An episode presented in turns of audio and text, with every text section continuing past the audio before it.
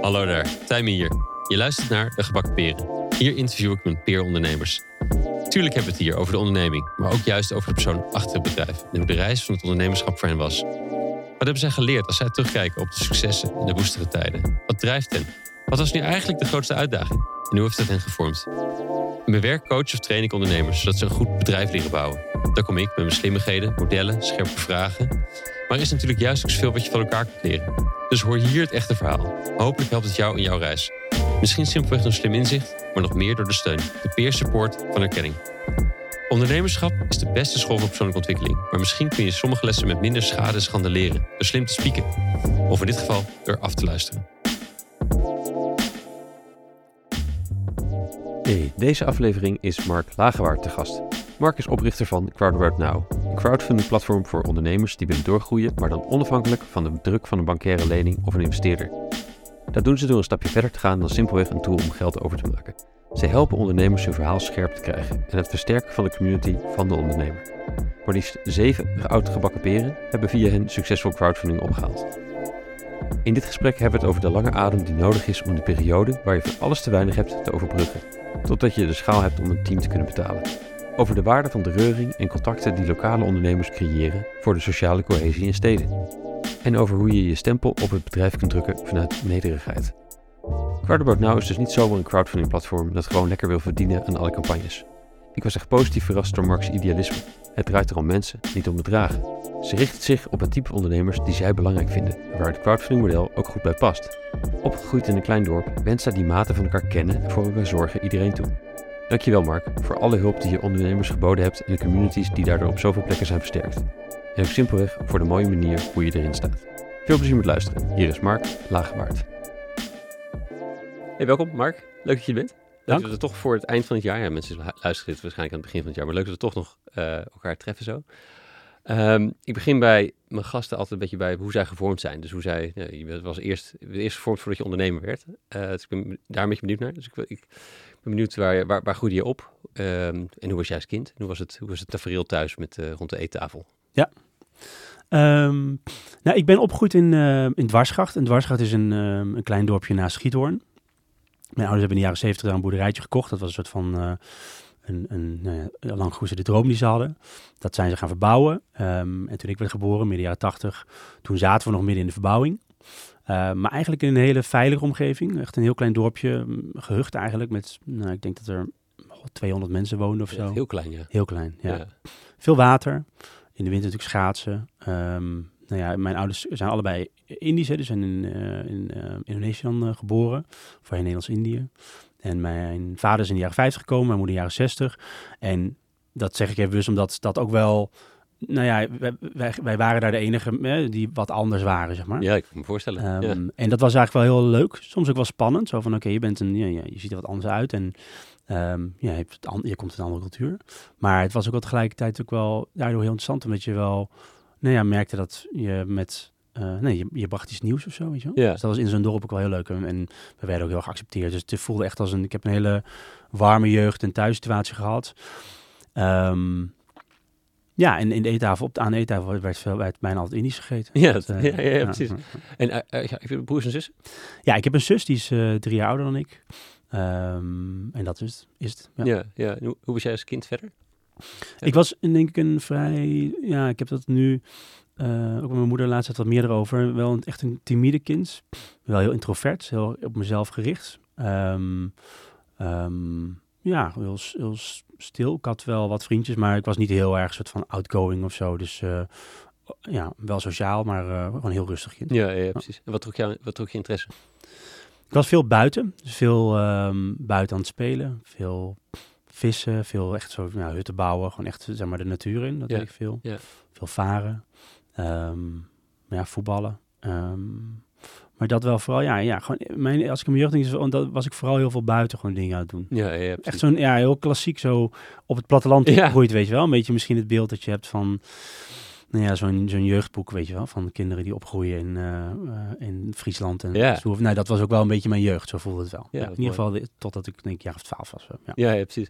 Hey, en eh, ouders allebei Indisch. Is er, is, er- is er iets van, van de Indische cultuur wat jou, wat jou echt bijblijft? Wat, wat, wat jou misschien zelfs als ondernemer vormt, maar misschien meer, meer eerder nog maar als, als mens? Ehm, ja, kijk, er zit wel een bepaald soort. ehm, ik zou het niet. Nou ja, ik denk het, het echt rekening houden met andere mensen. Ik weet niet of het per se Indisch is, want, maar, maar ik kan het niet helemaal los ervan zien. Maar ik heb wel altijd meegegeven van huis uit dat je in zekere zin dienstbaar moet zijn en, en eh, nou ja, rekening houdt met Ja. mensen. En dat is ook altijd een beetje de tegenstrijdigheid, hè, van dat je dan dat ik bij een vriend ging spelen, waar altijd heel veel, dat was altijd heel, weet je wel, mensen waren hard aan het praten, heel druk en ehm, ik weet, bij ons was het gewoon wel wat rustiger, weet je wel. Je was wat meer gewoon, Mm. je hield wat meer rekening met anderen. En wat ik denk ik een heel belangrijke, nou ja, dat is niet alleen per se Indisch, maar dat hoor je denk ik wel meer mensen die een andere culturele achtergrond hebben en naar Nederland komen, is dat je dat altijd, zeg maar, er was altijd eten. Mensen zijn altijd welkom. weet je wel. Het is heel, heel open. Ja, Ja, en ik denk- nou denk ik dat het de laatste nou ja, jaren al heel, heel erg veranderd is. Maar ik denk als ik dat- zo projecteer op, jaren 80, begin jaren 90, wa- voelde dat voor mij wel anders. Weet je wel, dat er altijd mensen over de vloer konden komen. Mijn moeder was altijd aan het koken, ook voor buren. En ja, dat vind ik wel een hele mooie waarde om te hebben. Ja. Dat je op die manier Ja. zorgt voor je omgeving. En je ouders waren ook allebei ondernemer, heb ik, heb ik, heb ik volgens mij gehoord. Dus die waren ook al, tenminste, die deden zelf ook al, die deden zelf dingen. Of die Ja, ze deden sowieso dingen. Ja, ja, ja, nee, Ehm, precies. eh, eh, maar, creëerden eh, ook uit niets iets. ja, ja, nou kijk, toen mijn ouders in Nederland kwamen, ehm, die, die, de Indische gemeenschap werd in pensions geplaatst, hè, vaak in, in Ja. ieder geval in die jaren. En daar zat je dan met allerlei Indische families, vaak natuurlijk hele kleine ruimtes. Ehm ze werden niet echt een asielzoekcentrum geplaatst, maar echt in, in, in, ja, een pension. Dan verhuisden ze door echt naar een, eh, nou, vaak naar een, een nieuwbouwwijk, voor rand van een, Mhm. van een grote stad. Eh, en ja, ze kregen, hadden een bepaald budget, zo- zoals ik het dan begreep, hè, wat ze dan kregen van de sociale dienst. Of, eh, ehm, en daar moesten ze dan een soort van rond van komen. Maar vaak om dan wat bij te verdienen, eh, gingen ze extra dingen doen. Dus in het geval van mijn vader weet ik dat daar eten werd gemaakt, rond werd gebracht. Voor mij door mijn, bij mijn moeder ook. Ehm, eh, dus ze zijn eigenlijk van jongens waren altijd al bezig geweest met zo dingen verkopen op Indische markten. En dat is ook bij mijn ouders elkaar ontmoet hebben. Op de Bazar Malam, dat is een soort ja, Indische avondmarkt eigenlijk oorspronkelijk. Eh, en daar hebben ze elkaar ontmoet, terwijl ze dingen aan het verkopen waren. Een soort van, eh, ja, ik zou het niet markt, van marktkooplui, omdat het niet dat ze daar vandaan kwamen. Nee, precies. Maar het is wel wat ze deden. Ja. Dus dat zit er wel heel erg in. Ja. En mijn vader is uiteindelijk, ehm, die heeft een beetje opgeklommen, heeft uiteindelijk eh, fysiotherapie gestudeerd en heeft dan zijn eigen praktijk eh, gehad. Ja, ja, ja. Dus, ja. Wat heb jij daarvan meegekregen? Of wat werd jouw beeld van, als je nu terugkijkt, je bent natuurlijk ondernemer geworden. Mhm. Had je, daar, had je daar, daaruit een bepaald beeld van ondernemerschap? Ehm, nou, ik heb er altijd wel een positieve associatie mee gehad. Ehm, maar, maar ik denk toen ik begon, dus met Crowded Now in 2009, ehm, t- toen had ik wel meer het beeld van ondernemerschap dat het heel erg ging over, weet je wel, rendement maken, een organisatie opbouwen en snel groeien, die kant. Ja. Eigenlijk een beetje, een beetje de, de stoere, avontuurlijke kant bijna Ja. ervan. ja, die kwam toen ook op, ja. Ja, weet je wel, zo start-up en later kwam de scale-up en dan, dan kan je snel groeien. En, ehm, en dat trok mij aan de ene kant ook wel, omdat nou, het is toch zo van, nee, je bent ook een beetje zoeken naar je ide- identiteit en zo, weet je wel, in die twintig jaren. Maar wat mij, denk ik, van mijn ouders heel erg is bijgebleven, is dat die vorm van ondernemerschap veel meer gaat over contact maken met je omgeving. En eh, iets toevoegen aan je omgeving ehm, vanuit een bepaalde passie. Ja. Iets wat jij belangrijk vindt. En dat vind ik eigenlijk nu, hè, nu ik dit al wat jaren doe, veel krachtigere basis van ondernemerschap dan alleen maar ik ga, weet je wel, winst maken of zo. ja. Ik, Voor mij, ga, ik ga heel groot worden. Ja, van- precies. Ja, ja. Ik- In plaats van ik ga mijn omgeving he- ook helpen. Om Ja, want, want daar gaat natuurlijk denk ik die, dat eten rondbrengen en op die manier eh, ondernemen ook wel over dat je het ook doet voor je familie, weet je wel. Om Ja. beter- en ook om mensen gewoon te laten genieten van lekkere dingen, weet je Ja. Dus, eh, ja, precies, ja.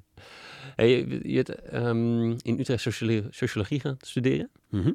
Is de, eh, van waar die, kwam die interesse ook uit? Ik, ik, het is een makkelijk, makkelijk linkje misschien, en te gemakkelijk om te leggen, maar ook die verschillende culturen die, eh, die, waar, die, waar, waar je uitkwam en waar je ook dan ver- vervolgens in, in een ander, ja, in de Nederlandse cultuur daar in, in, eh, in dwarsgracht in het, Ja, eh terecht kwam. hè? Die verschillen die je net beschreef. Kwam daar die interesse ook vandaan of is het, is het een beetje anders Ehm, gevormd?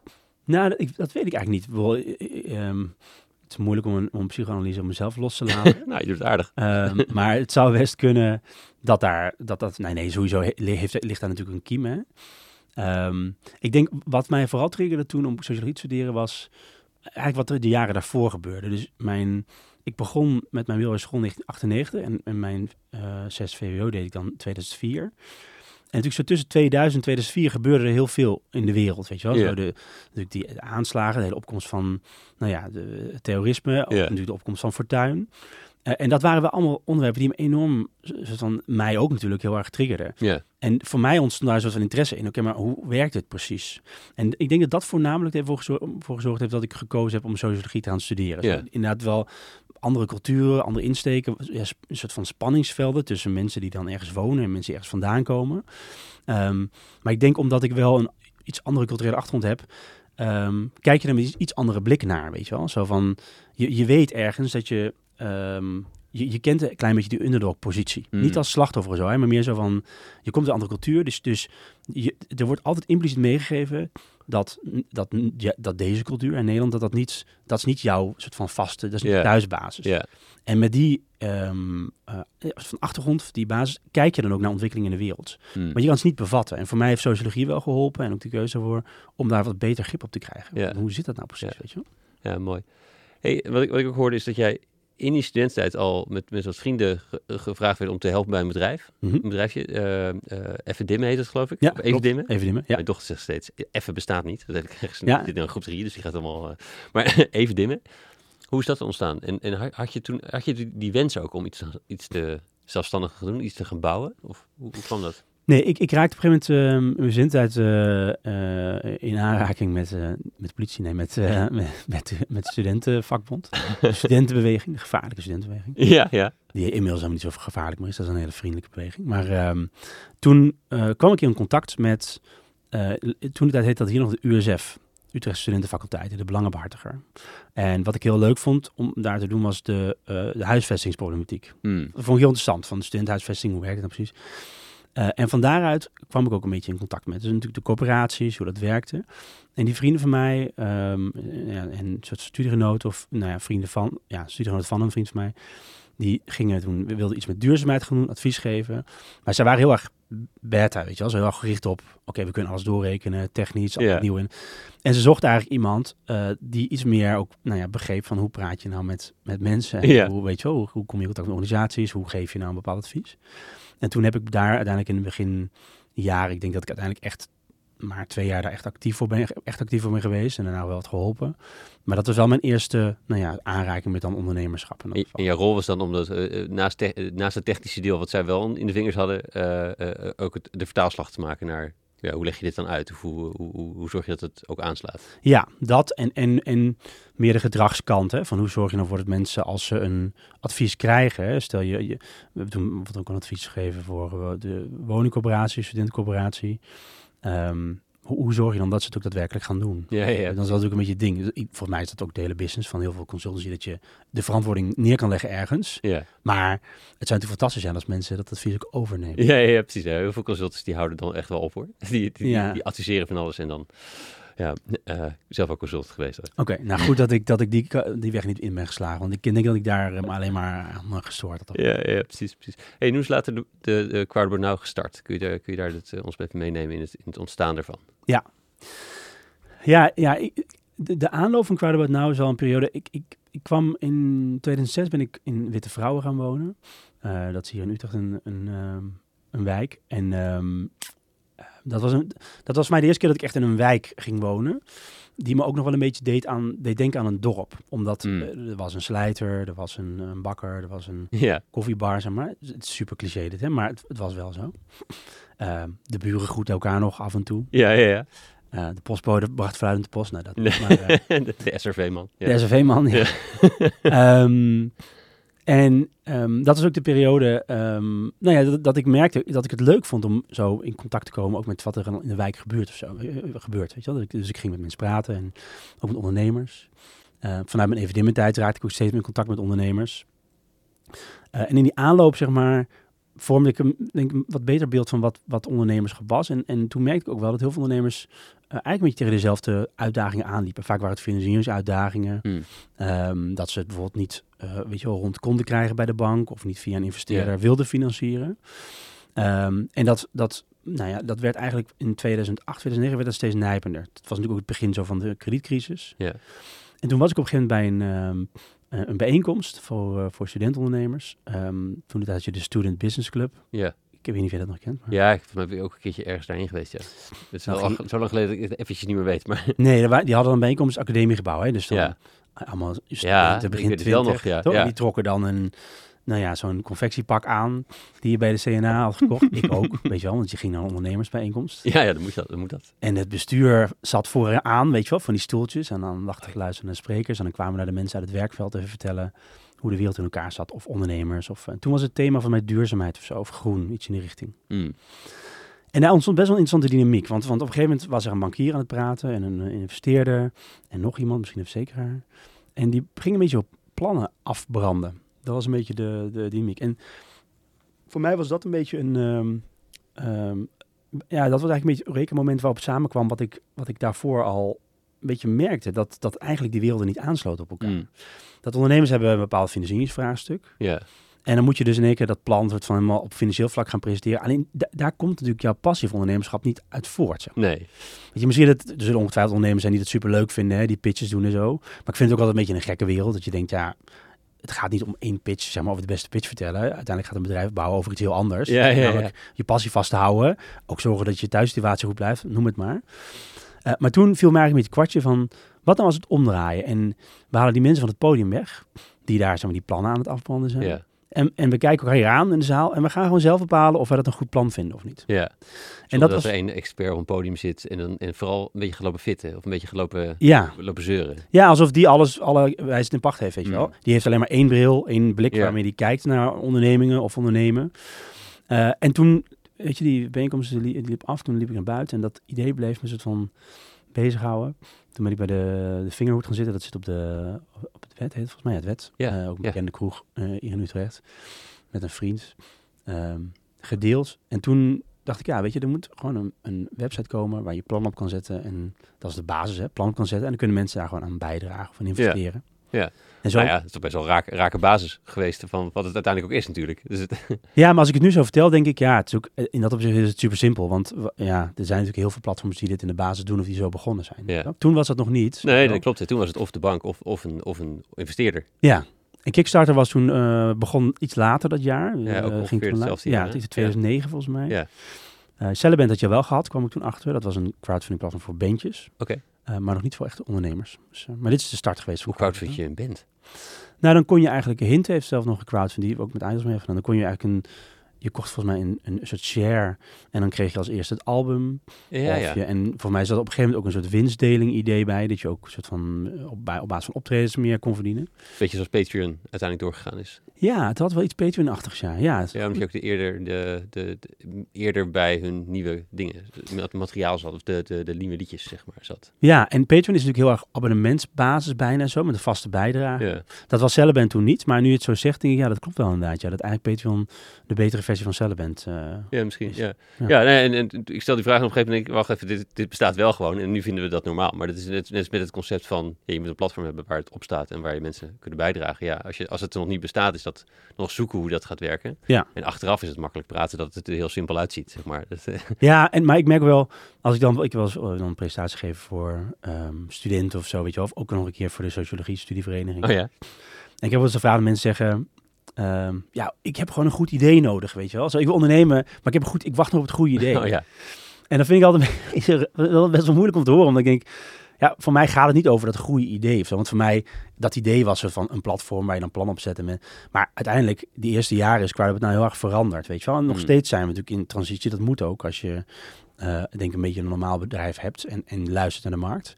Maar dat idee is maar één ding. Daarna moet je het gaan bijschaven, Ja. weet je wel. En gaan inwinnen van, hey, toetsen, klopt dit, weet je wel? Eh, zijn mensen hier naar op zoek? Moet ik het anders aanpakken? Ja, want hoe ben je dat gaan? Je, had, je je deelde dat idee. Je hebt, nou, er moet zoiets komen. door mensen moeten kunnen bijdragen aan een idee. Aan een idee en niet alleen maar eh financiële zeurs die, die dat heel erg op, de, op het rendement waarschijnlijk gaan afrekenen. Of het potentieel wat zij herkennen in de wereld. Mhm. Ja, dus Eh. dat zat in de basis wel in. Dat mensen ehm, nou ja, niet op rendement, maar echt op basis van het plan instapten. Maar toen ik dat verder ging uitwerken, ik heb er wel mensen bij betrokken. In totaal waren het er, eh, waren het zeven anderen. Toen merkte ik wel dat mensen vanuit de expertise dingen gaan toevoegen. Weet je, de ene zei, nou, het rendement is toch wel belangrijk voor mensen, dus je moet misschien een aandeel kunnen kopen. Uh, en ik denk ook dat het belangrijk is dat mensen zo'n beloning terugkrijgen of het zo presenteren, of juist mee kunnen doen met een heel specifiek onderdeel binnen het bedrijf.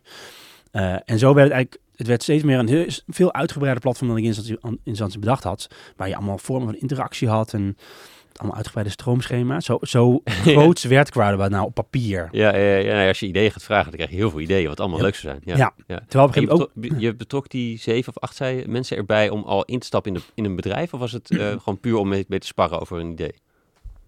Nee, dat was echt om uh, uh, ook in te stappen in het bedrijf. Okay. Ja. Want ik dacht, um, ik weet zelf niet zo heel veel. Ik heb geen kennis over financiën. Ik, ik had geen kennis over uh, ont, uh, development, geen kennis over marketing. Ik had sociologie, of ik was nog sociologie aan het studeren, weet je wel. Ik dacht dat ik een soort van uh, verbinder was die mensen bij elkaar bracht. Ja, weet je wel? ja. Ik zeg dat een beetje lachend, omdat ik, als ik er nu terugkijk, dan denk ik, ja, wat is dat nou precies, weet je wel? Dat ben ik in dat opzicht denk ik helemaal niet, zeg maar. Um, ik was vooral best wel, ik vond het heel spannend. Ik, ik wist dat ik iets had, maar ik was heel zoekende naar wat, wat het zou kunnen worden.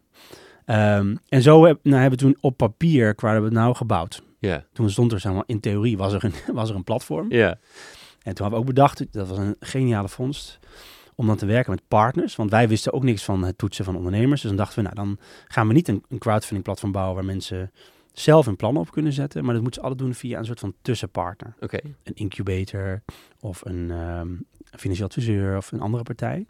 Zodat, en zij kochten dan toegangsplaatsen tot dat platform. Dat was de gedachte. Ja, ja, ja, precies. Dat model hebben we uiteindelijk nog een paar jaar vast proberen te houden. Um, maar dat werkt helemaal niet. Maar... Maar nee, wat, eh, zij kochten plaatsen en dan, want jullie zorgden dan dat er, jullie moesten dan heel, zorgen dat er heel veel funding aan de andere kant stond. Dat was het idee. Ja. Het idee. Ja, dus dan, stel jij bent dan een, een, een ondernemersadviseur of een soort van uh, ja, bedrijfsverzamelgebouw. En je wil een faciliteit bieden aan jouw ondernemers. Ja. Los van het kantoor of los van misschien een lunchruimte. Een stukje financiering. En wij gaven je dan als partner toegang tot een platform waar je die financiering kon ophalen. Ja, ja, En dat regelden wij allemaal. ja. Zodat we ons niet bezig hoefden te houden ook met meer de ondernemerskant. Want dat deed dan die partij. En wij gewoon het platform konden faciliteren. Dat was de gedachte. Maar dit klinkt als een paar maanden eh, een, een hele grote brei aan opties en eventuele kanten waar het op zou kunnen gaan. En je moet een keer een keuze maken. Wat ga, wat ga je maken? Eh, hoe, is dat, hoe, is dat, hoe is dat proces gegaan en, en waar hebben jullie voor gekozen om, om mee te starten? Ja, wij, wij wonnen toen op een gegeven moment een prijs. Dat heette de, de Gouden Impuls. Dat was 2010. Hmm. Um, de goede jaren ook, hè. Althans, de goede jaren. We zijn maar niet goede jaren, we crisisjaren. Nee, het begon net, ja. Maar nu zie je het eigenlijk niet zoveel meer. Maar, maar die prijs was een, het was, een, was een prijs voor de stimulering van de Utrechtse economie. Dat was eigenlijk de insteek van die prijs. Um, toen hadden we dat plan op papier, we hadden het ingediend. En toen moesten we het opeens gaan doen, weet je wel. Toen moesten we Ja. opeens dat platform dus gaan bouwen. Nou, IT-partij gezocht. Um, maar ja, die wisten natuurlijk allemaal wat die geldprijs was. Dus al je offertes waren ongeveer dat bedrag. ja, En we hadden een groot pro- probleem, want, want we juridisch, ja, zomaar financiële producten aanbieden mag eigenlijk helemaal niet. Hè? Dus, dus ja, je, heel veel partijen denken dat nog steeds veel mensen, als ik dan die maas in de wet vind, hoeft dat niet. Maar uiteindelijk krijg je altijd te maken met de AFM, ja, Autoriteit Autoriteit Financiële Markten, en vaak ook met de Nederlandse bank. ja. Omdat ja, je geld aantrekt en namens anderen dan vasthoudt. ja dit, dit- ik, ik sprak Jip van Common Easy hier, ook hierover. Die is natuurlijk verzekeraar. Of, maar niet echt een verzekeraar. En Ja. we moesten ook zoeken naar hoe, hoe regelen we dit dan wel, dat we dit geld mogen stallen. Ja. Ja, En in, in het begin denk je altijd zo, oh, nou ja, weet je, wij hebben gewoon een tof plan, we hebben dat niet nodig, die, die uh, goedkeuring van de toezichthouders. Nou, uiteindelijk heb je het wel nodig. Maar we hadden dus uiteindelijk wel een partij die het platform kon bouwen. Um, en we hadden um, nou, het gesprek met, gehad met de autoriteiten. Toen dachten we, nou oké, dan gaan we het gewoon doen. Dus toen hebben we eigenlijk een soort uitgeklede versie met die partij gebouwd van een crowdfunding platform. Wat echt met, met nou ja, plakband in elkaar zat. Um, en, dan, uh, en toen zijn we gaan crowdfunden voor een paar ondernemers die 5000 euro wilden ophalen. Ja, dat was ja, eigenlijk de start. Hey, maar je hebt dus ook niet besloten om, het, om er een IT, een, iemand die wel kon, een developer bij te betrekken in het team of als, als, als co-founder in te zetten? Of, of... Nee, heel eerlijk, ik, ik had helemaal nog niet, ik had helemaal niet een beeld van hoe een bedrijf er überhaupt uit zou moeten zien. Ja, Dus het ging allemaal een beetje zo, weet je wel. Zo van, oh ja, we hebben een IT. Kent iemand nog een IT'er? Nee, ken ik niet. Oké, maar ik ken wel een bedrijf die dat doet. Oké, dan doen we het zo. Ja. En we dachten ook, oké, is misschien wel heel prettig om het weg te leggen bij een partij, want dan loop je zelf minder risico. ja. Achteraf natuurlijk de stomste keuze die je kan maken, want je hebt een developer nodig in je team. Niet één, maar je hebt gewoon een development team nodig. Ja, Uiteindelijk heeft dat zich ook in de staart gebeten, want dan kom je achter dat het je eigen snelheid qua ontwikkeling heel erg gaat remmen, weet je wel. ja. Uh, maar nee, dat was niet zo bedacht. Nee, maar wel komisch. Ik hoorde je in een eerder interview ook zeggen dat je ouders uh, je wel meegaven dat je heel autodidactisch gewoon dingen oppakt, dingen, dingen leert. en hier, hier kies je er wel voor om juist andere partijen het, het, eh, de, het, het, te laten, het, het voor je te fixen. Of Mhm. advies te geven over hoe het geld te stallen of hoe de, en, en de tool te bouwen. En Ja. Niet dat je per se zelf developer moest worden, maar dat je, het is wel een keuze om het eruit uit te besteden in plaats van het zelf in, in huis te doen. Ja, ik denk, zeg maar, een deel ervan... Kijk, een deel ervan kun je zelf leren. Ehm, eh, voor een deel, zeg maar, autodidacten zijn... Ik denk, in het geval van mijn vader bijvoorbeeld, hè, die heeft dat hele huis, die boerderij zitten verbouwen. ja. En als je het niet wist, dan ging hij een boek kopen en dan ging hij dat lezen. En zo heeft hij een heel boerderij zeg maar, van de grond af aan opgebouwd. Een monumentaal boerderij. boerderij. Dat heeft hij ook mooi gedaan. Ik ben er toevallig laatst voor het eerst in 20 jaar weer geweest. Ja. Ehm, en, en dat staat nog steeds. Ook de, de materialen die hij gebruikt heeft, dat heeft hij echt heel goed gedaan. En hem zelf geleerd, want hij heeft niet die achtergrond. Ehm, maar ik denk als het gaat over processen waar mensen bij betrokken worden, Mhm. eh, weet je wel, bijna een soort van ja, managementproces of zo, dan ben je altijd, altijd afhankelijk van andere partijen. En er zijn denk ik altijd mensen die wel beter zijn dan jij om dat te doen. En daarin heb je denk ik ook wel een klein stukje nederig no- nodig om te beseffen, oh ja, dit is misschien iets wat ik gewoon niet kan. Weet je wel, als ik nu ook nog eens een keer ga proberen dat development project te leiden en te organiseren, dat is wel veel, weet je wel. Ja, ja, ja, dan kan ik beter een partij erbij betrekken die dat doet. Ja, het is ook een beetje pick your battles of zo. De, ja, en tegelijkertijd, uit Tijd en aandacht eh, goed verdelen. Ja, en als start-up, wat voor budget heb je nou nauwelijks? Dus je kunt ook echt niet kiezen om het allemaal uit te gaan besteden. Eh, ik heb ervoor gekozen om, om iets meer de communicatie en marketing zelf te doen. Ja, ja, precies. En ook de soort uitstraling van de website. Dus wij, wij po- eh, positioneren nu ons heel erg. Ook de ondernemers, die zie je nog steeds heel erg. Weet je Ja. als we laten mensen zien. Ja. Die, die keuzes qua communicatiestijl, dat is wel iets wat ik in de begindagen waar ik heel erg op gehamerd heb. Weet je Ja. dat is echt doorontwikkeld de laatste jaren. Maar dat is wel iets waarvan ik gezegd heb, oké, dit is wat ik zelf voel, wat ik belangrijk vind als ik op een website ga. Dat, dat is wel gelukt om dat vast te houden. Ja, dat is wel grappig, ja. Want ik, ik, het- ik denk dat ik met een initiatief een crowdfunding bij jullie tien jaar geleden deed. Ja, 2013 denk ik was het, hè? Ja. Ja, ja. En dat voelde echt precies... Eigenlijk voelt het nog steeds hetzelfde. Het voelt als hetzelfde platform. En Ja. het, natuurlijk is veel, het is veel vernuftiger in elkaar gezet en het is beter en het is, het is moderner geworden, et cetera. Maar het voelt nog steeds, dat, dat, precies dat is het nog steeds hetzelfde. Ja. Ehm, zo, hey, hoeveel waren er nog van die zeven, acht andere compa- compagnons over in dat, in dat begin en zo? En hoe, hoe, want je zegt net ook, er zijn een paar, er gaan een paar eerste crowdfunders starten voor een paar honderd euro. Mhm.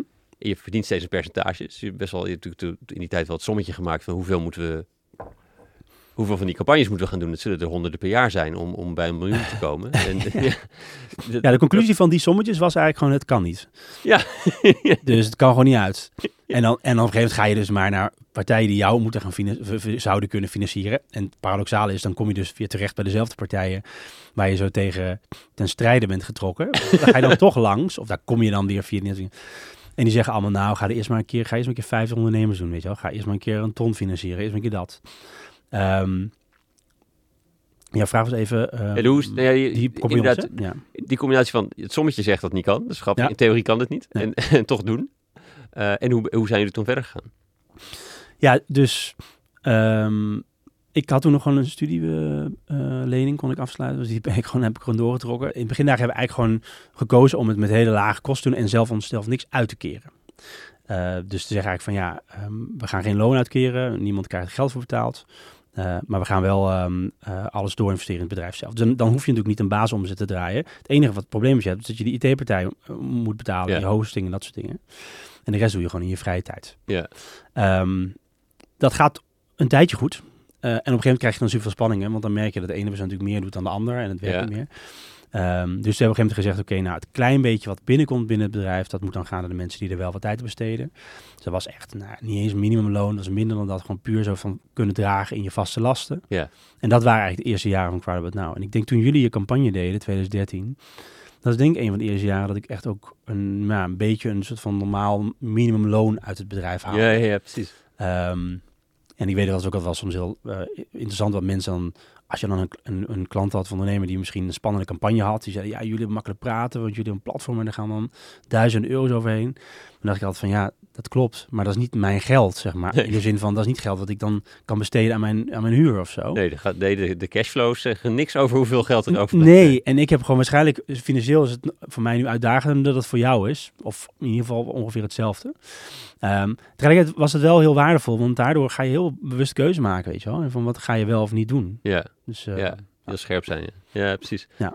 Ehm, ja, dus, die- dus het, is, het is langzaam door, doorgroeien totdat het op een gegeven moment sommetje wel uitkomt. Hoe Ja, dat- en- hoe is dat- en- hoe is dat gegaan? Ja, en, en, en je- je- jij stelde nog die vraag over die compagnons. Hè, van, we begonnen met, met dan in totaal acht. En eigenlijk na een jaar of anderhalf jaar gingen er al twee weg. Ja, Die, die, ja, die merkte je gewoon verschil, verschil in, in mening eigenlijk. En uiteindelijk zijn zij, zij een, een eigen eh crowdfunding adviesbureau gestart, Douw en Koren. Ehm, dat, was, dat bestaat inmiddels niet meer, maar toen was dat best wel een bekend bureau.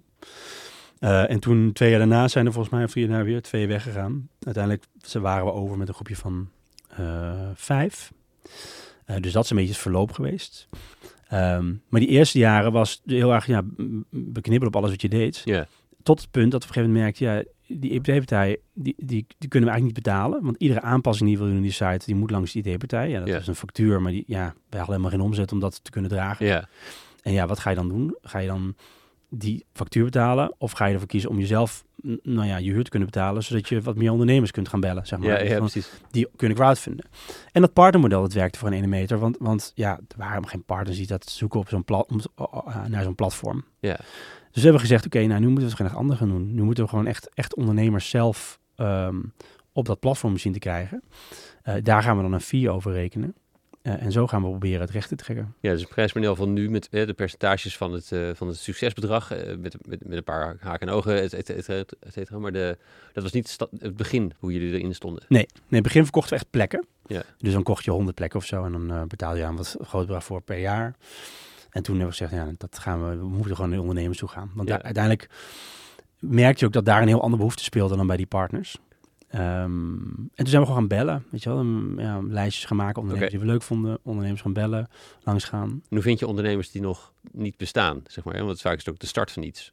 Ja, nou, we waren toen wel op het punt dat, het, dat we wel merkten dat eigenlijk voorbij die startfase ehm werden, waren ondernemers wel meer geschikt. Zeg maar. Mm. dus, dus eigenlijk dat, dat oorspronkelijke idee van, van die ondernemer die heel erg eh, zich van in een sociale omgeving zit. hè, Zo'n zo'n bakker of een horecazaak of een, een echt een maker van een nieuw product of een soort nieuw maatschappelijke dienst. Die, die zitten vaak in een hele sterk sociale context. En wij merkten dat dat eigenlijk qua crowdfunding veel beter werkte. Ja. Die hippe start-ups, om het zo even te noemen, ja, die konden altijd wel ergens weer een financiering krijgen. Want onder de streep, eh, als jij gewoon hoogopgeleid bent eh, en jij gaat een een of andere innovatielening ergens aan, ja, zo'n financieringsverstrekker weet ook wel dat jij met een goede opleiding vroeg of laat kun je dat bedrag wel terugbetalen. Ja, ja. Misschien gaat je bedrijf failliet, maar dat maakt niet zoveel uit. Daarvoor zit ze niet in. Dus dat was niet direct een match. En ehm, ehm, eh, toen zijn we eigenlijk ons meer gaan richten op de ondernemers die al wel een het community hadden of een, klant, een, klantengroep. ja.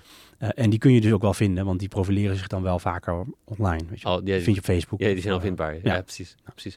En, eh, maar ook als je een, een percentage rekent, is het sommetje niet per se makkelijker. Dus nog steeds, nog steeds kon het theoretisch volgens mij niet. Maar Nee. en toch de overtuiging door te gaan.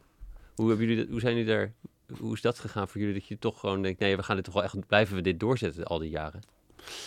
Ja, dat weet ik eigenlijk niet zo goed. Zo van ja, dat is misschien een beetje een verkeerd antwoord, maar, maar je, je gaat het doen en je voelt dat er iets zit en, en je vindt het leuk en je hebt niet zoveel nodig en dan ga je maar gewoon door. Gewoon niet stoppen. Gewoon niet stoppen, ja. En waarom kan je niet stoppen? Ja, en nou, ik vind dat contact met ondernemers heb ik altijd heel leuk gevonden. Dat die gesprekken met ondernemers, dat is echt... En ik denk dat merk ik ook binnen ons team, weet je wel. Dat je mag werken met eh, mensen die ervoor kiezen om... Die niet voor de makkelijke weg kiezen. Weet je, ook als ik kijk naar, naar mijn st- oud-studiegenoten, vrienden. Mensen komen na hun werk toch natuurlijk heel snel terecht in een volwassen baan. En komen er dan vaak, nou ja, idealiter eerder, maar vaak pas rond hun dertigste of zelfs daarna achter. Dat dat niet is wat ze daadwerkelijk willen doen. Ja, Ehm, met ondernemers werken is het tegenovergestelde eraan. ja, ja precies. Dat is met mensen die gewoon hun passie najagen en zeg maar door het vuur gaan. Nou, dat geeft zo fucking veel energie. Dat is zo'n Ja, fijne groep om mee te mogen werken. Dus da- daar ga je dan mee door. En de andere kant is, ja, mijn levensstandaard was gewoon super laag. Ik, ik, ik heb, ja, ik heb nog, ja, ik, weet je wel, ik woon in een studentenkamer voor toen 230 euro. Volgens mijn compagnon woonde in hetzelfde studentenhuis, ook voor hetzelfde bedrag. Ja, als je een keer aan het einde van de maand, eh, eh, tenminste als je 800 euro overhield, of kreeg, zeg maar, ja, dan was dat voldoende. dan lukte dat nog, ja. Ja, en wat, had ik, wat kon ik anders? Weet je? Ik had sociologie gestudeerd, mijn bachelor afgemaakt, veel te lang over gedaan. Wie gaat mij nou in vredesnaam aannemen? Wie, weet je wel, in die tijd ook. Wie, en Volkert had wiskunde eh, proberen te studeren, niet afgemaakt. Weet je wel, wie gaat Volkert aannemen? Dus dat was voor ons ook wel zo van, ja, weet je, het is superleuk om te doen. Het voelt dat we hier iets hebben. En er was elke keer genoeg soort van beloning. Oké, nu kunnen we deze toffe ondernemer doen. En dan ga je gewoon door. En dan, eh, Ook steeds een klein worteltje wat, wat je toch weer verder Ja. haalt of zo. Nou, en ik denk ook wel dat leren ervan in het proces, hè, dat je iets doet waarvan je merkt dat je er aan de kant beter van wordt, beter begrijpt hoe de wereld in elkaar zit. Ehm, dat, dat geeft ook wel voldoening. Ja. Dat je denkt, Ja. oh, daar wil ik niet stoppen. En kijk, ik heb nooit het beeld gehad, zo van we gaan een miljoenenbedrijf neerzetten met zoveel mensen of die impact maken. Natuurlijk, af en toe, weet je wel, je hebt zo'n gedachte ook wel eens nodig om te denken, oh ja, dat zou het kunnen worden. Een soort van droom. Eh, maar uiteindelijk is het nooit echt datgene wat ik, wat ik wilde neerzetten. Ja, En-. Dan, ik, zeg dat omdat ik ken veel ondernemers die zijn snel ongeduldig. Hè? Dat zijn eh, ideeën, bedenkers of plannen starters. En die doen dan één of twee jaar dat. En super veel respect voor dat ze dat kunnen. Ik kan dat niet. Weet je wel, ik wil bouwen aan iets waar ik lang bij betrokken ben. Omdat ik het Hmm. gevoel heb dat ik er pas na vijf, zes jaar echt een beetje begin te begrijpen wat het is. Ja, ja, ja. En, en waarschijnlijk ben ik dan ook denk ik niet houdbaar meer. Maar dat is wel wat ik het leukste vind om, om te doen. Dus, ja. Wat, wat realiseerde je dus na vijf, zes jaar Crowdwork nou wat, dan wat, wat het is? Hè? Dus wat, wat, wat, wat hetgeen was, hoe jullie, nou ja, iets wat nog bijna niet bestond in, in toen je begon, wat, wat iets meer gemeengoed werd, mede dankzij jullie. Mhm. Wat het dan is hoe je nou, ondernemers daar toch aan financiering kan helpen. Wat, wat werden de, de lessen, hoe dat werkte? Ja, ik denk eh, best wel een belangrijk punt voor mij was een campagne van een, een bar in Amsterdam, Bar Oldenhof. Dat was de eerste of een van de eerste horeca-campagnes die we deden. Eh, en Dwight en Quince, twee broers, eh van mij komen ze oorspronkelijk uit Leeuwarden, die willen in, in Amsterdam willen ze een bar beginnen. Dus Wauw, ja, ja, oké. ja. Speak Easy. Ehm, eh, met jazz en, en sigaren. ja, oké. Voor mij twintig zitplekken, weet je wel. Echt een heel klein barretje. De gordijnen zijn altijd, voor mij bestaat het nog steeds, de gordijnen altijd dicht, dus je moet echt aankloppen. En als je er Wauw. als je wel gereserveerd of niet, of, of als ze nou, zin hebben in je, dan mag je wel niet binnen. Ehm, en dat wilde beginnen. Een heel duidelijk beeld van wat zij daar wilden toevoegen. En, en je voelt aan alles toen ze praten, dit komt echt uit iets wat zij gewoon, ja, dit is gewoon helemaal een ding, weet je wel. Zo van, dit is hun passie. En dit gaat niet over, want je kunt natuurlijk nooit super rendement halen op 20 zitplekken. Deze, Nee. deze jongens willen iets, iets toevoegen, die willen jou iets een beleving geven, eh, wat je gewoon nog niet kent. En dit was ook zo rond 2012, 2013. Ehm, en toen zij gingen crowdfunden, ontstonden er allemaal hele interessante eh, eh, ja, kruisbestuivingen. Weet je, wel. buren kwamen langs en ze hadden op de ramen geplakt. Hè. We zijn crowdfunden, help mee. Mensen crowdfunden. Op een gegeven moment, oké, laten we er in investeren van maken, dat mensen het wel snappen. en ehm, toen kwamen buren langs en die zeiden, eh, ja, los van dat we mee willen financieren met 500 euro, kunnen we je ook helpen? Kunnen we ook mee helpen schilderen? Of, eh, en uiteindelijk werden de buren werden vaste gasten en eh, die gingen erover praten. En toen merkte ik, oh ja, dit is uiteindelijk de basis van wat crowdfunding zou moeten zijn. Natuurlijk gaat het over geld en plannen en dromen. Maar deze interactie is het meest waardevol. Dat je dit ehm, doet. ja. En ik denk zelfs dat dat, eh, maar dat, dat, misschien is dat heel arrogant hoor, maar dat de grootste waarde is van een eh, lokale onderneming in een, weet je wel, sociale of economische context. Dat je dat doet in interactie met de omgeving ja. en dat je kijkt naar hoe je daar meer kan toevoegen dan alleen maar. Hoezo denk je, oh, oh, eh, hoezo zeg je dat het arrogant zou kunnen zijn? Ehm, nou, ik zeg dat het arrogant zou kunnen zijn omdat ehm, ehm, ik mezelf misschien niet de aangewezen persoon vind om, om echt een uitspraak te kunnen doen over, weet je wel, wat de waarde is van ondernemers. Ik ben niet een econoom, Hmm. ik ben niet eens een socioloog. Ik ben maar gewoon iemand die ooit een crowdfunding platform is begonnen. en die gelooft dat dit, weet je wel, belangrijk is. Maar eh, da- daarom ben ik daar wat nou ja, terughoudend in. Zeg maar. Ja, ja precies. Nee, nou ja, grappig. Dat is natuurlijk ook dat, dat de econoom misschien ook de waarde compleet verkeerd inschat. Hè, van wat het, wat het bedrijf, wat de waarde van een bedrijf is. Ehm, los dat de financiële waarde ik misschien kan bepalen, maar niet ehm, wat, wat het echt waardevol maakt. Ja, dit is natuurlijk ook een beetje een spanningsveld hè, tussen economen en, en sociologen. Van, Hmm. weet je wel, economische, ehm, economisch kapitaal, sociaal kapitaal. Wat is wat je uiteindelijk echt nodig hebt om succesvol te worden. Ja, Ehm, maar, maar bij die campagne, en eh, toen merkte ik, oké, dit is eigenlijk waarvoor we het doen. Weet je wel, dit is Ja. het moment van, hier werkt iets, hier, hoe noem je brandt iets, hier is iets, eh borrelt iets. Nou ja. ja, en ook dus niet wat, eh, wat in, die, in het academiegebouw met die studentenvereniging, waar, waar het alleen maar, alleen maar goed was als het een nou, miljardenbedrijf had kunnen worden of zo. Nee, precies. Want de waarde is dat, dat is niet zo interessant dan of zo. Nee, precies. Van, dan- dan kijk je alleen maar naar een bedrijf van, kan het economische waarde toevoegen? Ja, En da- ik denk dat je daar vrij snel op uitgekeken bent ook, weet je wel. Dus ook, dat geeft niet heel veel plezier. Hmm. Je, je, je moet, denk ik, continu blijven onderzoeken, wat voor andere waarden voeg je toe? ja, Voor denk ik in het belang van je team, in het belang van het bedrijf en ook voor jezelf. Weet je, Ja. want als mens ben je in de basis een, een sociaal wezen, niet een economisch wezen. Ja. Weet je? Als je moet kiezen, word je een economisch wezen, maar in de basis ben je een sociaal wezen. Ja, ja, ja, precies. Dat zeg je mooi. Hey, wat, wat heb jij in, in, in, in die reis van het, ehm, van, het, van het laten groeien van, je, van, het, van, van jullie bedrijf, wat heb, je, wat heb jij moeten leren? Wat heb jij, eh, je, je, was, je, was, je was maar een socioloog, zeg je zelf, maar de- Mhm. of, of nog niet eens, toen je startte. En wat heb je allemaal eh, moeten ontwikkelen en moeten, moeten leren kunnen? Ehm, nou, er werd mij al vrij vroeg gevraagd om voor het bedrijf te gaan staan. Dus om eh, iemand te zijn die dan dat verhaal bijvoorbeeld gaat uitdragen of die eh, intern, weet je wel, mensen meeneemt erin. Ehm, dat is wel echt iets wat ik moeten leren, want ik, heb, ik zag mezelf altijd meer op de achtergrond. Hè? Zo van, oké, ik, ik faciliteer het en dan gaan Ja. jullie het doen. Ja. Eh, en tegelijkertijd merkte ik dat ik, het, dat ik dat wel heel leuk vind om te doen, weet je wel. Als, in, als het iets is wat, me, wat ik le- leuk vind om, om, om over te vertellen, dan heb ik geen probleem om dat te doen. Ja. Maar ik heb mezelf nooit zo gezien, dus ik heb wel moeten leren om dat wat meer te doen en mensen daarin mee te nemen. Ja, op ieder vlak, weet je wel. Ik denk communicatie, marketing.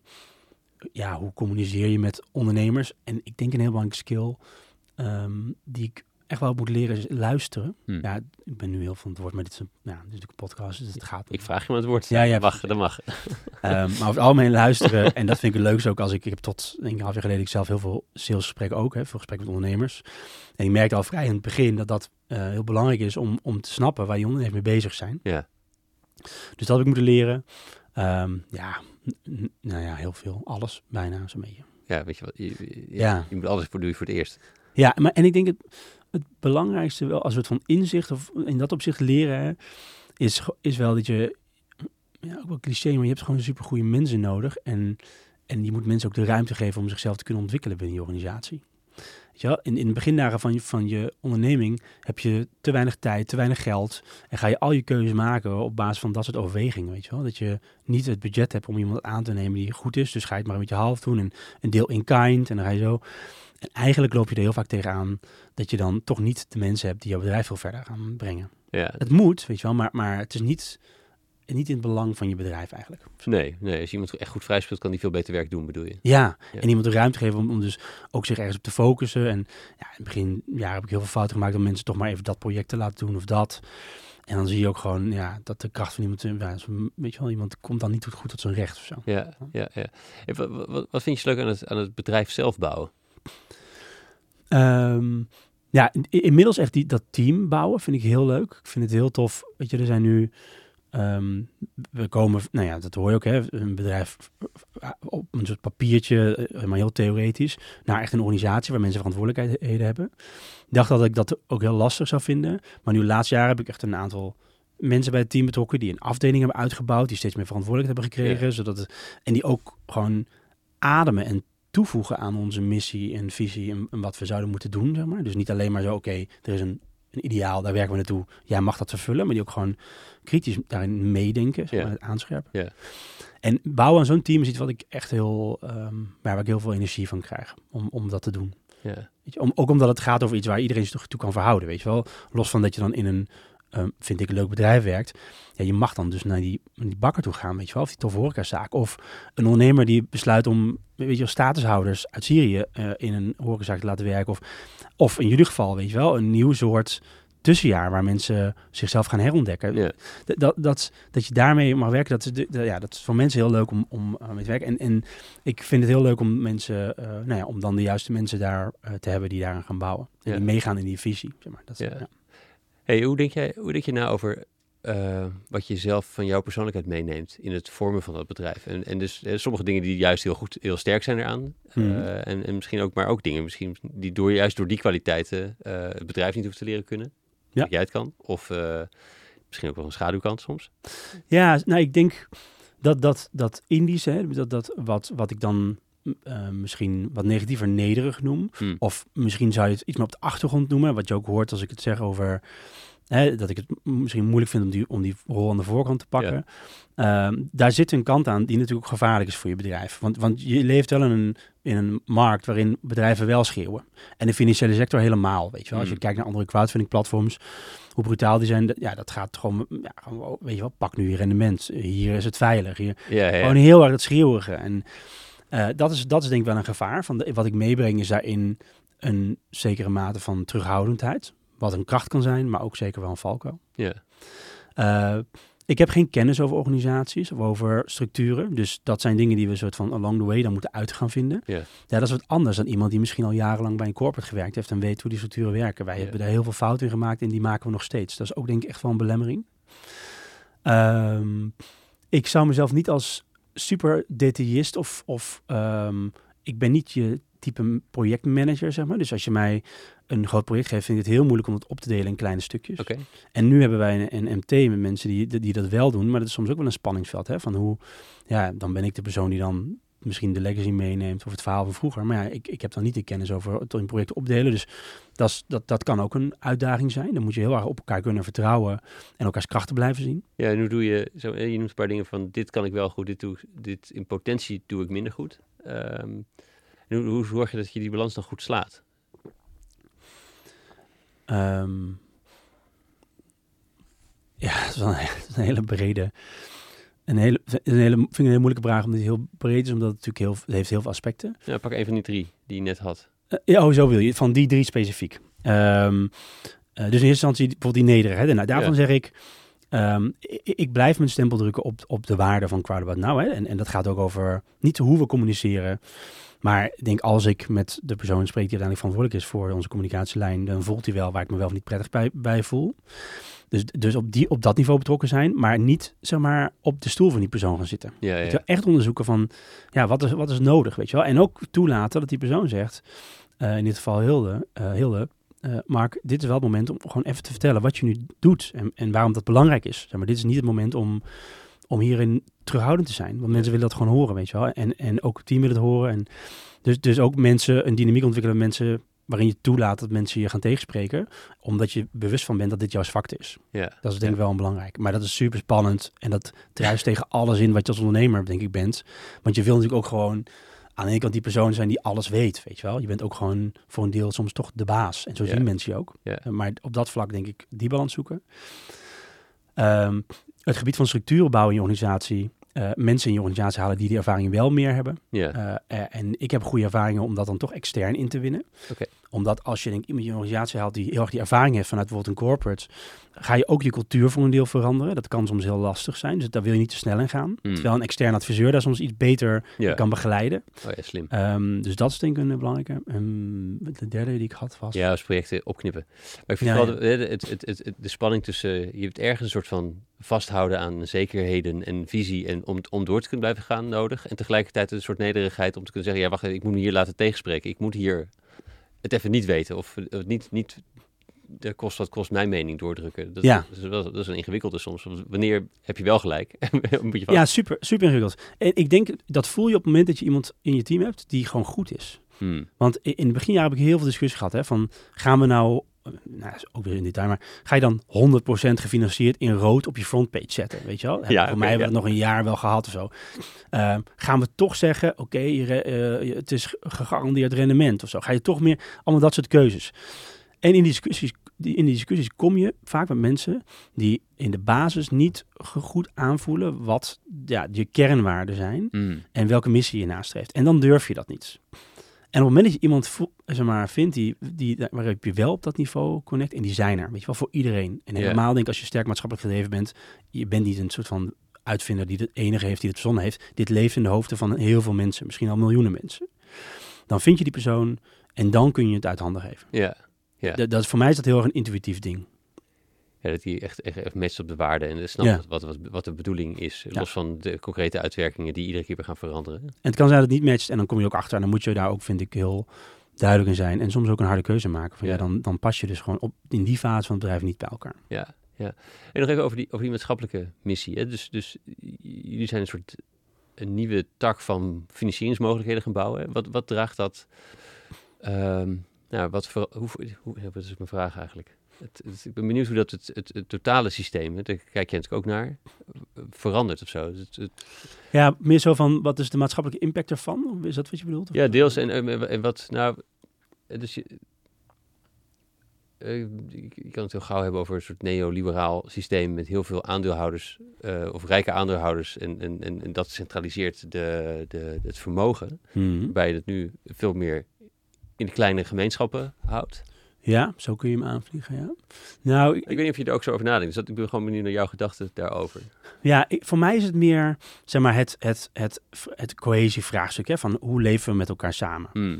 En ik geloof dat we, dat we tegenwoordig best een heel groot probleem hebben. En nou, ik, ik weet dat we dat hebben, want- omdat ik niet de enige ben die het geloof. Omdat we steeds verder uit elkaar bewegen in de contacten die we hebben. Ehm, weet je, we, gaan thuis zitten en we bestellen via een, een app bestellen we boodschappen. Ja. Ehm, nee, we laten eten thuis bezorgen via thuisbezorgd. Ehm, we bestellen dingen online zonder dat er een mens bij komt kijken. Allemaal super makkelijk en, en efficiënt. Ehm, alleen er zijn steeds minder eh, daardoor onverwachte sociale contacten. En mensen gaan zich ook steeds meer in een soort van positie nestelen, waarin ze heel erg gemakkelijk gewoon dingen kunnen doen. Ja. En dat dorp wat ik dan schets, hè, met die bakker en die, Ja. en die slijter, hè, even het ideaalbeeld. Dwarsgracht, nou goed, dwarsgracht, daar had je, die- had je die voorzieningen overigens al niet meer hoor, want die waren eruit. Je had wel een SV-wagen nog, die, die had ook zeker een sociale functie. ja. Maar het dorpshuis was al niet meer wat het was eh, de vijf jaar daarvoor. Ehm, maar dat is wel een wereld waarin ik geloof dat we, ehm, eh, waarin we zouden moeten leven. Hè? Een wereld waarin je dat soort interacties hebt. En ik ben ervan overtuigd dat ondernemers daar een hele belangrijke rol in vervullen. Ja. En dan vooral de kleinere eh, en veelal lokale ondernemers. Ja. En dat is ook het type ondernemer waar ik aan wil bouwen. En waar wij nu aan bouwen. Ja. Hè, ik denk dat zijn eh, nu nog best wel ook veel ondernemers die eh, startend zijn of die dat doen misschien omdat ze een goede opleiding hebben gehad en iets nieuws ontdekken. Maar meer en meer zie je ook gewoon je stereotype ondernemer die gewoon lokaal iets toevoegt zonder dat het alleen maar over rendement gaat. En op die plekken, dat zijn de plekken waar we ons thuis voelen. Dat zijn de plekken waar we verbinden. Dat zijn de plekken waardoor we ons veilig voelen in een wijk. Als je dat niet hebt, dan trek je je terug in je omgeving. eh, ga je online bestellen. ehm, en dan vind je misschien een keer een tof product online. Of een toffe dienst. Of nee, wat jullie doen. Dat je merkt, oh, er is toch hoop, weet je wel. In deze, te zaakje, neoliberale wereld. Waarin het allemaal maar gaat over zoveel mogelijk je eigen dingen. Er zijn toch nog dingen waar mensen echt met aandacht ehm, eh, tijd aan besteden. Die ze maken vanuit een bepaalde passie. Hmm. En dat heb je nodig, denk ik, om jezelf ook zingeving te geven en jezelf te verbinden met je omgeving. En ik hoop dat we dat met Crowdabout nou ook meer en meer kunnen doen. Dat we die plekken, plekken creëren, dat we dat soort eh, dienstverleners ook steunen, want het is ook digitale dienstverlening op sommige momenten. Ehm, eh, maar ook eh, eh, ja, producten, weet je wel, waar je over kunt praten. Dat ik jou vertel, oké, weet je, ehm, ik draag een, een broek van Bonnezoet, weet je wel. Dat Bonnezoet maakt zoets in, in Amsterdam, weet je wel. Toffe producten. Een lokale maker of nee, als je van ons kantoor komt, weet je wel, de thee die je drinkt komt uit Nederland. Dat, zijn dat zijn dingen die, nodig, die we nodig hebben om weer, denk ik, die, ehm, nou ja, de, on- de- onze wijk, onze buurt, om dat weer onze thuisplek te laten zijn. Ja, ja, precies. Ja, Maar niet het gelijkheidsvraagstuk. Dat vind ik een. Ik weet niet of het gelijkheidsvraagstuk oplossen, Hmm. zeg maar. Ik weet niet of, of we dat of we daar echt op zitten. Ja, dus meer de, meer de sociale cohesie in de verbindingen, de lijntjes die er bestaan in waar je woont. Dus, eh, Zo'n individuele samenleving kan misschien als we allemaal economische wezentjes waren. Ja. Eh, maar we waren sociale wezens. Ja. Wa- Want ja, ja, ja en ehm, over even over het gelijkheidsvraagstuk, want jij noemde die aandeelhouders, hè, van zo kun je hem beschouwen, hè, van het, het kapitaal ligt nu niet meer bij één persoon of een paar partijen. Alleen wat je toch wel ziet, is dat ook als je denk ik weer een nieuw platform hebt, wat gaat over aandelen of aandelen delen met personeel of aandelen met omgeving. Ja. Kijk, geld uiteindelijk ehm, is iets wat toch heel snel terechtkomt bij mensen die snappen hoe geld werkt en die überhaupt vermogen hebben om te besteden. Eh, ik vind dat we onszelf daar niet eh, illusies in moeten maken. Je moet heel, wel heel hard je best doen. Wil, wil ik nu proberen om iemand die eh, nou ja, een, een minimumloon heeft, te laten investeren in een campagne? Ik, ik geloof niet dat dat heel snel gaat gebeuren. Ja, ja, En ik ga ook niet de eh, belofte doen dat, dat we dat gaan waarmaken. Hè? Ik vind het zelfs een valse belofte. Het is een- in de financiële sector een gevaarlijke belofte. Dan ga je tegen mensen zeggen, ja, maar als jij nou... ehm, misschien wat bitcoin nu een beetje heeft soms, hè? Of crypto. Eh, als jij nu instapt in dit... ja. Dan kun je Je ontsnappen. hebt ook het stemmetje erbij. Ja, je- Ja, dan kun je ontsnappen uit dat bestaan waarin je altijd maar moet werken voor een baas. En weet je wel, wees financieel afhankelijk. Stop met werken op je 35. Ga nu al.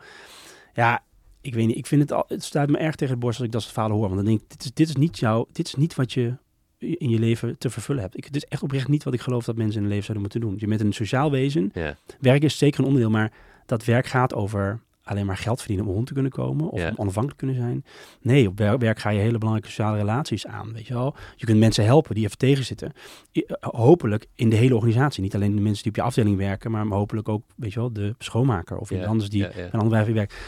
Ehm, en dat is wel wat ik, wat ik ehm, nou ja, waarvan ik zeg, ik denk niet dat we dat in de financiële sector gaan oplossen. Dan wil ik zeggen, iedereen krijgt aandelen, iedereen wordt daarmee gelijkwaardig rijk. Want uiteindelijk, als je er rijk mee kan worden, gaan mensen snappen hoe het werkt en gaat dat vermogen altijd accumuleren bij iemand die ehm er meer heeft. Die, die dat snapt. Ja. Ja. Dat snap ik. Ja, ja. Nou, het is ook, eh, ieder puntensysteem lokt een spel uit. Ja. Eh, En, en geld is lekker meetbaar, dus het wordt het puntensysteem. En, dat, en, ehm, en er worden spelers die dat, eh, dit goed behendig in worden. Ehm, ja, aan de andere kant, je kan daar ook tegen ageren. Dus je het, ehm, eh, ik sprak een paar weken terug Charlotte weer, Charlotte van Leeuwen, die had, die had een bedrijfje, dat heette Bord en Stift. En die, die heeft dat steward-owned gemaakt, dus door een stichting in het leven te roepen. En die deed de aandelen, ja, die hoef ik niet. Mhm. En ik vind het wel een mooie, mooie beweging. Dat er steeds meer bedrijven niet meer van een paar mensen die toevallig gestart zijn, maar ook eh, het, eh, dat, dat, dat de waarde die het bedrijf creëert gaat en naar de mensen die er werken en naar de mensen die, of en de doelen die de stichting nastreeft. Dus het, Zeker. Nou, je lost er denk ik een heel belangrijk probleem mee op. Namelijk dat je inderdaad publieke aandeelhouders hebt die alleen maar kapitaliseren op iets en geen waarde toevoegen. Ja. Ehm, ik was in september op mijn conferentie over steward ownership in Berlijn. En er waren ook heel veel steward-owned bedrijven. Wat Ja. heel, waar, nou, heel interessant was om te zien.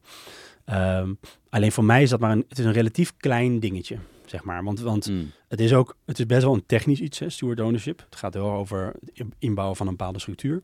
Dat moet ook, want nou ja, je moet je ook weren tegen, denk ik, externe overnames, noem het maar. Uh, maar wat ik eigenlijk zeg is, je, je, je lost er nog niet het vraagstuk meer op wat, wat gaat over uh, hoe zorg je nou dat jij, um, uh, nou ja, in je bedrijf bijvoorbeeld, weet je wel, die verbinding met mensen aan blijft gaan, Ja, en mensen ja. mee laat komen. Of Ja. dat je bijvoorbeeld een divers bedrijf bent, weet je wel, of een inclusief bedrijf. Da- Daar zegt het allemaal niks over. nee, dat klopt. Ja. Um, en dat is niet erg, maar het lost één heel belangrijk probleem op. Dat is al heel waardevol. Uh, maar, maar het, is nog wel, het zit nog wel aan een kant waar ik denk van... Bij Crowd of Now zitten we wel nog op iets anders spoor, zeg maar. Ja, Nou. ja precies. Um, hey, wat, ik ben benieuwd, hoe, hoe, dit, hoe gaat het verder? Dus als je, jullie, lopen nu een stuk uh, gezonder dan vroeger. Mhm. Mm -hmm. uh, als je nog eens vijf jaar de, de toekomst in projecteert, wat zie je dan, wat zie je dan voor je?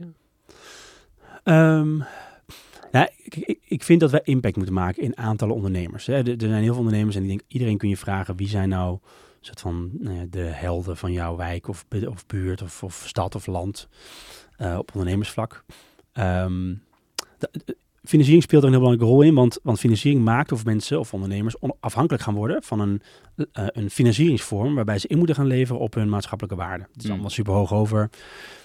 Voor nu ook niet misschien heel relevant om op in te gaan. Nee, maar raakt op de, gesprek, de discussie met net. Ja, ja, zo van als jij heel strak in, in, je financiering zit bij een bank of bij een grote Ja. investeerder, dan Ja. gaan mensen als minder gaat zich tegen jouw bedrijf aan bemoeien. En daarmee zul je bepaalde dingen los moeten laten. Het raakt in het aan steward ownership ook van waar blijf je op koers? Je missie of op de win- wens van je aandeelhouders Ja. of je financiers. Ja. Uh, ik geloof dat we die ondernemers onafhankelijk kunnen houden en dat wij met Crowded nou dat ook doen. Hè? Dat we ze helpen om uh, het samen met de omgeving te doen, uh, maar ook hun vrijheid te behouden om keuzes te kunnen maken op, op basis van maatschappelijke overwegingen. Dus het moeten er veel zijn, even hard gezegd. Niet, niet veel financiering, maar veel ondernemers die het doen. Uh, en aan de andere kant van ondernemer hebben zij ook denk ik wel een bepaalde taak, namelijk mensen meenemen in wat ze doen. Weet je wel, mensen uitleggen dat het waardevol is dat wat ze doen. En dat dat maakt dat, dat een stad er leuker van wordt. Dus als je mij vraagt over vijf jaar, um, wat zijn het er dan? Ja, ja, dan wil ik er per jaar wel gewoon duizenden in Nederland doen. Weet je Ja, wel? En, ja. en ook wel in andere landen, want ik, ik denk dat daar hetzelfde speelt. Ja. Um, de andere kant is, onze dienstverlening nu is, is vrij beperkt in wat we ondernemers aanbieden. Het is een financiering, uh, of je koopt aandelen, of je doet een voorverkoopcampagne waarbij je een product of een dienst Ja. krijgt. Het is allemaal heel recht toe recht aan. Ik geloof dat je met die groep meer kan. Nee, die groep, uh, die community die je bouwt, dat, dat kan een veel grotere, uh, waardevolle groep zijn. Bedoel je de, de groep die de ondernemers steunt, of de groep mensen die jou ooit, ge, die ooit gefinancierd heeft via uh, Cardboard Now? Nou, in, in dit voorbeeld even de, de, de mensen die ondernemers dus financieren. Ja. Hè, dus in jullie geval de investeerders een breekjaar. Of in het geval van um, uh, weet je wel, de mensen die hier hebben gefinancierd. Ja. Um, ik, ik, geloof dat je die nog veel meer ook kunt betrekken bij wat je doet. En ook misschien in andere vormen of andere diensten. Um, en daarvoor moeten wij echt investeren in, nou ja, in ons platform. Hè. Daar liggen heel veel kansen. Um, dus ik geloof dat dat, dat, dat, dat echt een pad is dat, een kant die we op, op zouden moeten gaan. En ik geloof ook wel in, dan andere financieringsmodellen die erop aansluiten. Weet je wel, die wat flexibeler zijn dan alleen maar je haalt nu een financiering op en je moet hem over vijf jaar terugbetalen. Of je haalt eenmalig financiering op. Daar zijn varianten op mogelijk, waardoor ondernemers zich nog beter geholpen worden Ja. en nog beter kunnen doen wat ze zouden moeten doen. Ja, ja, precies. En dat zit hem dus niet alleen in de flexibiliteit van wanneer je terugbetaalt. Dus dat, ehm, zo- zoals de, wat je zei, de bank gaat zich ermee bemoeien als, je, als het wat slechter gaat. Mhm. Eh, maar misschien ook wel andere vormen die... Het is niet alleen de, de, de rek in de samenleving zo. Hè, dat, je, dat je een beetje kan... eh, een beetje slack hebt gekregen van je omgeving die jou gefinancierd heeft, mo- mocht het misgaan. Maar dat je echt naar dingen gaat die ook zorgen dat het beter gaat. Ja, en, en dit is ook wel, want dit is heel erg crowded now gericht. Als je me vraagt naar de wereld, dan zou ik zeggen, wat jij noemt over die rekken, een wereld waarin je elkaar weer een beetje die, die ruimte en die rek geeft. Ja. Weet je wel, en een wereld waarin we die plekken hebben. En Ja. het bewustzijn dat we die plekken nodig hebben. En crowded now is daar maar een heel klein onderdeeltje van. Hè. Kijk, uiteindelijk gaat het mij om dat we op een zeker niveau gewoon weer dorpen terugkrijgen. Weet je wel, in het gevoel dat je Ja. die verbinding terugkrijgt. Zodat we ook wat, wat makkelijker met mensen in contact komen die je anders nooit zou spreken. Want volgens mij zijn we echt onwijs bang geworden van de ander.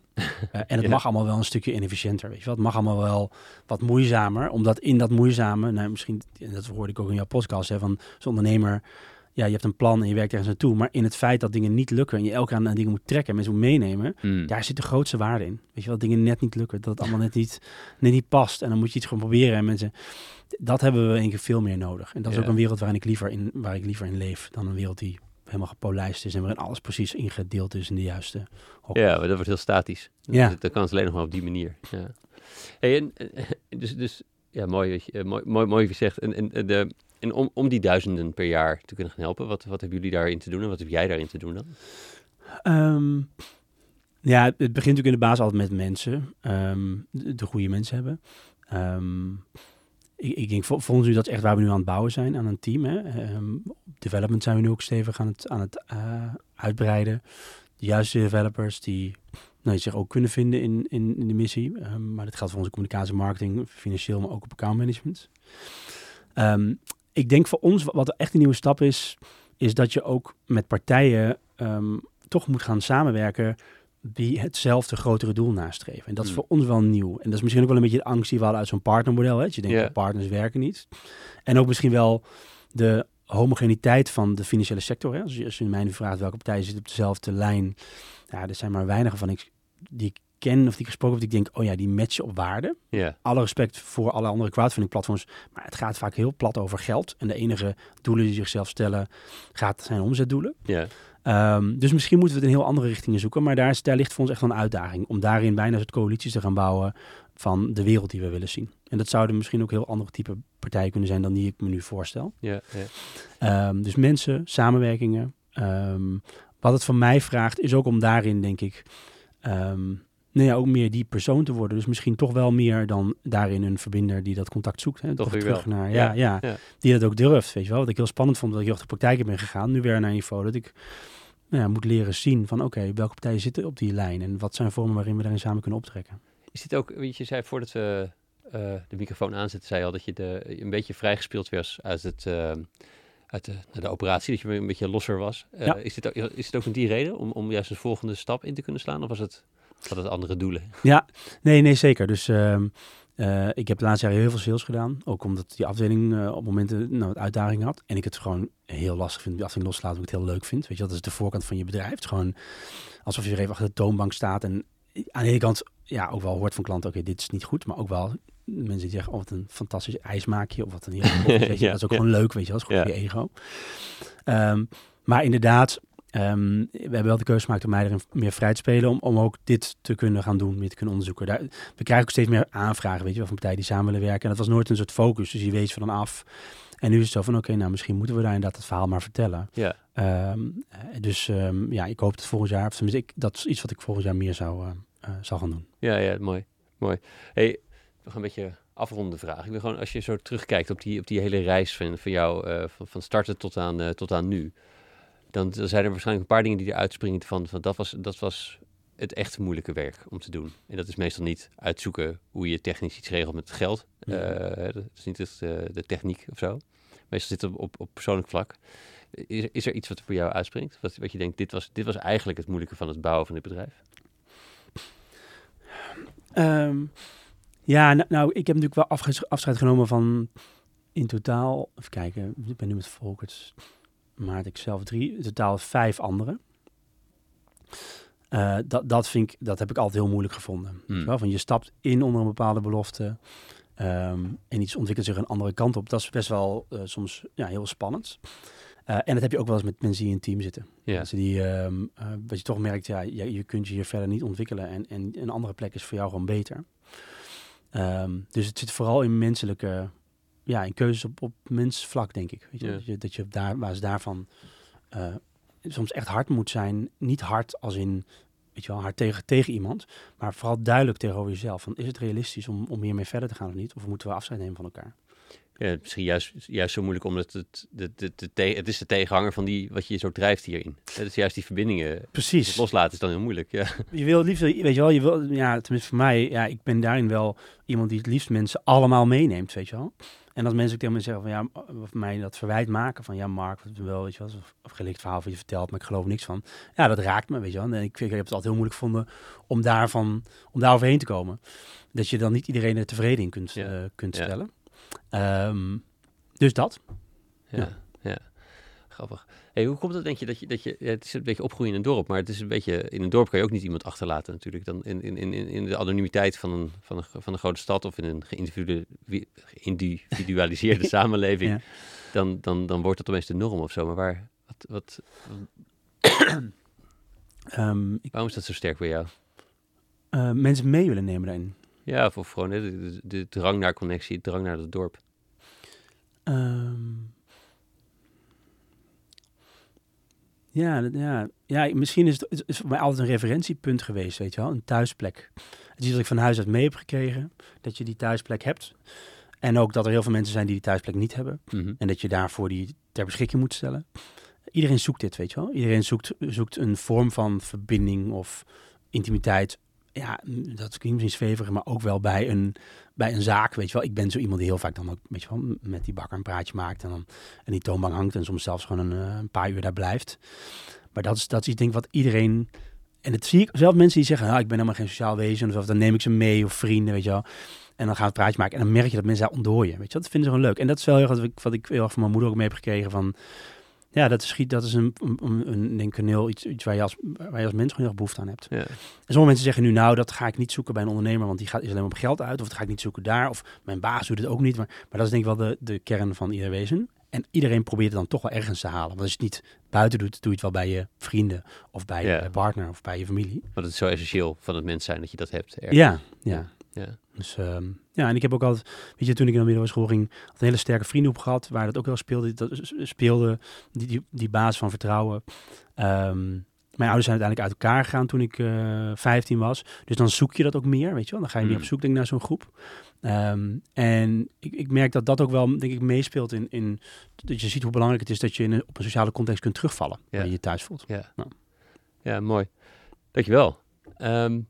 Ik vraag altijd aan het eind een beetje, de, de, de- wat zijn de, de inspiratiebronnen voor jou die je misschien zou kunnen tippen waar andere ondernemers ook eh, nou ja, veel, veel, veel lessen uit kunnen halen of, of veel voldoening uit kunnen halen? Is er, is er iets wat eruit springt? Kan een boek zijn, kan iets heel anders zijn. Ehm, nou, voor mij, kijk, muziek is voor mij een heel, eh, altijd een heel belangrijke. Mm. Ehm, en vooral muziek die zit op het snijvlak van culturen. Weet je wel, dus, dus ehm, eh, iemand die een andere culturele achtergrond heeft of uit een heel ander type milieu komt en een ander soort muziek gaat maken. Zelf ben ik een groot fan van de Guess Who, een festival wat ieder Ja. jaar hier georganiseerd. Daar ga ik al jaren naartoe. En daar heb je heel veel van dat soort Ja, ehm, ja, zeker. Ik, ik ben nu op dit moment heel, heel veel eh, clipping aan het luisteren. Dat is een artiest die daar stond. En wat ik daar interessant aan vind, is omdat je, je hoort daarin verschillende soort van onderdelen van iemands cultuur samenkomen. Eh, Verschillende verhalen. Weet je wel, iemand die ook een stijl gebruikt uit een hedendaagse muziekstijl. En dat combineert met iets heel klassieks. Of, Oh, leuk. Ehm, over boeken eh, zat ik laatst te denken. Wat ik een heel inspirerend boek vond, was Hoe Hoe God verdween uh, Jorwert van Geert Mak. Het gaat natuurlijk heel erg over hoe een dorp erodeert, zeg maar. En wat er Mm. gebeurt over een periode van, hm, voor mij 50 jaar of zo. Of zelfs wel langer. Hoe dan op een gegeven moment nee, dus de kerk verdwijnt en wat dat doet met de sociale cohesie. Ja, ja, ja. Op dat thema vind ik dat heel interessant. Op ondernemersvlak, nou ja, Ik heb laatst dan zo'n klein boekje, de Mom-test, gelezen. Dat vond ik wel grappig om te lezen, omdat het zo gaat over hoe stel je vragen en hoe luister je. En ik Ja. vermoed dat veel ondernemers het luisteren soms nog best wel een uitdaging vinden. En die zou ik vooral gaan toepas- toepassen dan op mensen in je team, zeg maar. Zo klanten is ook wel interessant, maar daar wordt zo heel erg functioneel van. Maar in je team, weet je wel, luister nou eens wat er in je team speelt. Ja. Dat is echt heel belangrijk. Ja. Eh, maar dus muziek, ga naar Who, Ja. clipping luisteren. Ehm Howie Lee vind ik ook een interessante artiest. Die is het, eh, hij is Hoe zei je? Howie Lee hij is een Chinese artiest die meer elektronisch componeert met ook een deel van zijn eigen meer klassiek Chinese achtergrond. Vind ik heel tof.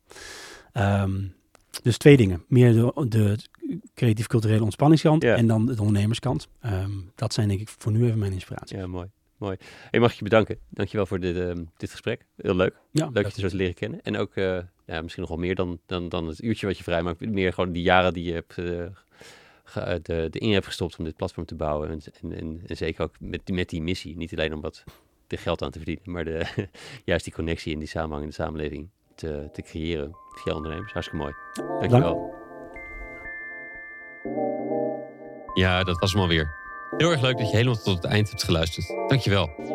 Abonneer je op de podcast om zeker te weten dat de volgende aflevering jou ook vindt. Wil je niet wachten, maar weet je niet welke aflevering je moet kiezen? Op de website vind je verzamelingen afleveringen rond verschillende thema's van het ondernemerschap. Zoals co-founderschap, visionairs die het systeem veranderen en het uitvinden van welke vorm van een bedrijf bij jou past. Deze vind je naast uitgebreide show notes met alle lessen en links van alle afleveringen op www.studiogeorge.nl slash podcast. En ik probeer in mijn interviews met mijn gasten de belangrijkste inzichten te ontdekken van hun reis als ondernemer. De kern van hun lessen kun je wekelijks tot je nemen door je in te schrijven voor mijn nieuwsbrief Shots of Strategy. Elke vrijdag deel ik daar of de drie belangrijkste inzichten van het gesprek, of een oefening, een tool of een deep dive in een leiderschapsthema van ondernemers. Schrijf je in op www.studiogeorge.nl slash shots of strategy, allemaal aan elkaar. Als laatste, wil je groeien in je ondernemerschap? Ik help je graag om heel helder te krijgen wat je visie en waarden zijn. En om daar een bedrijf bij te ontwikkelen dat slim werkt, bij jou past en het impact maakt. Een mix tussen coaching en advies. Een mix tussen business skills en persoonlijk leiderschap. Kijk op www.studiogeorge.nl slash coaching voor de opties. Heb een goede dag en tot de volgende.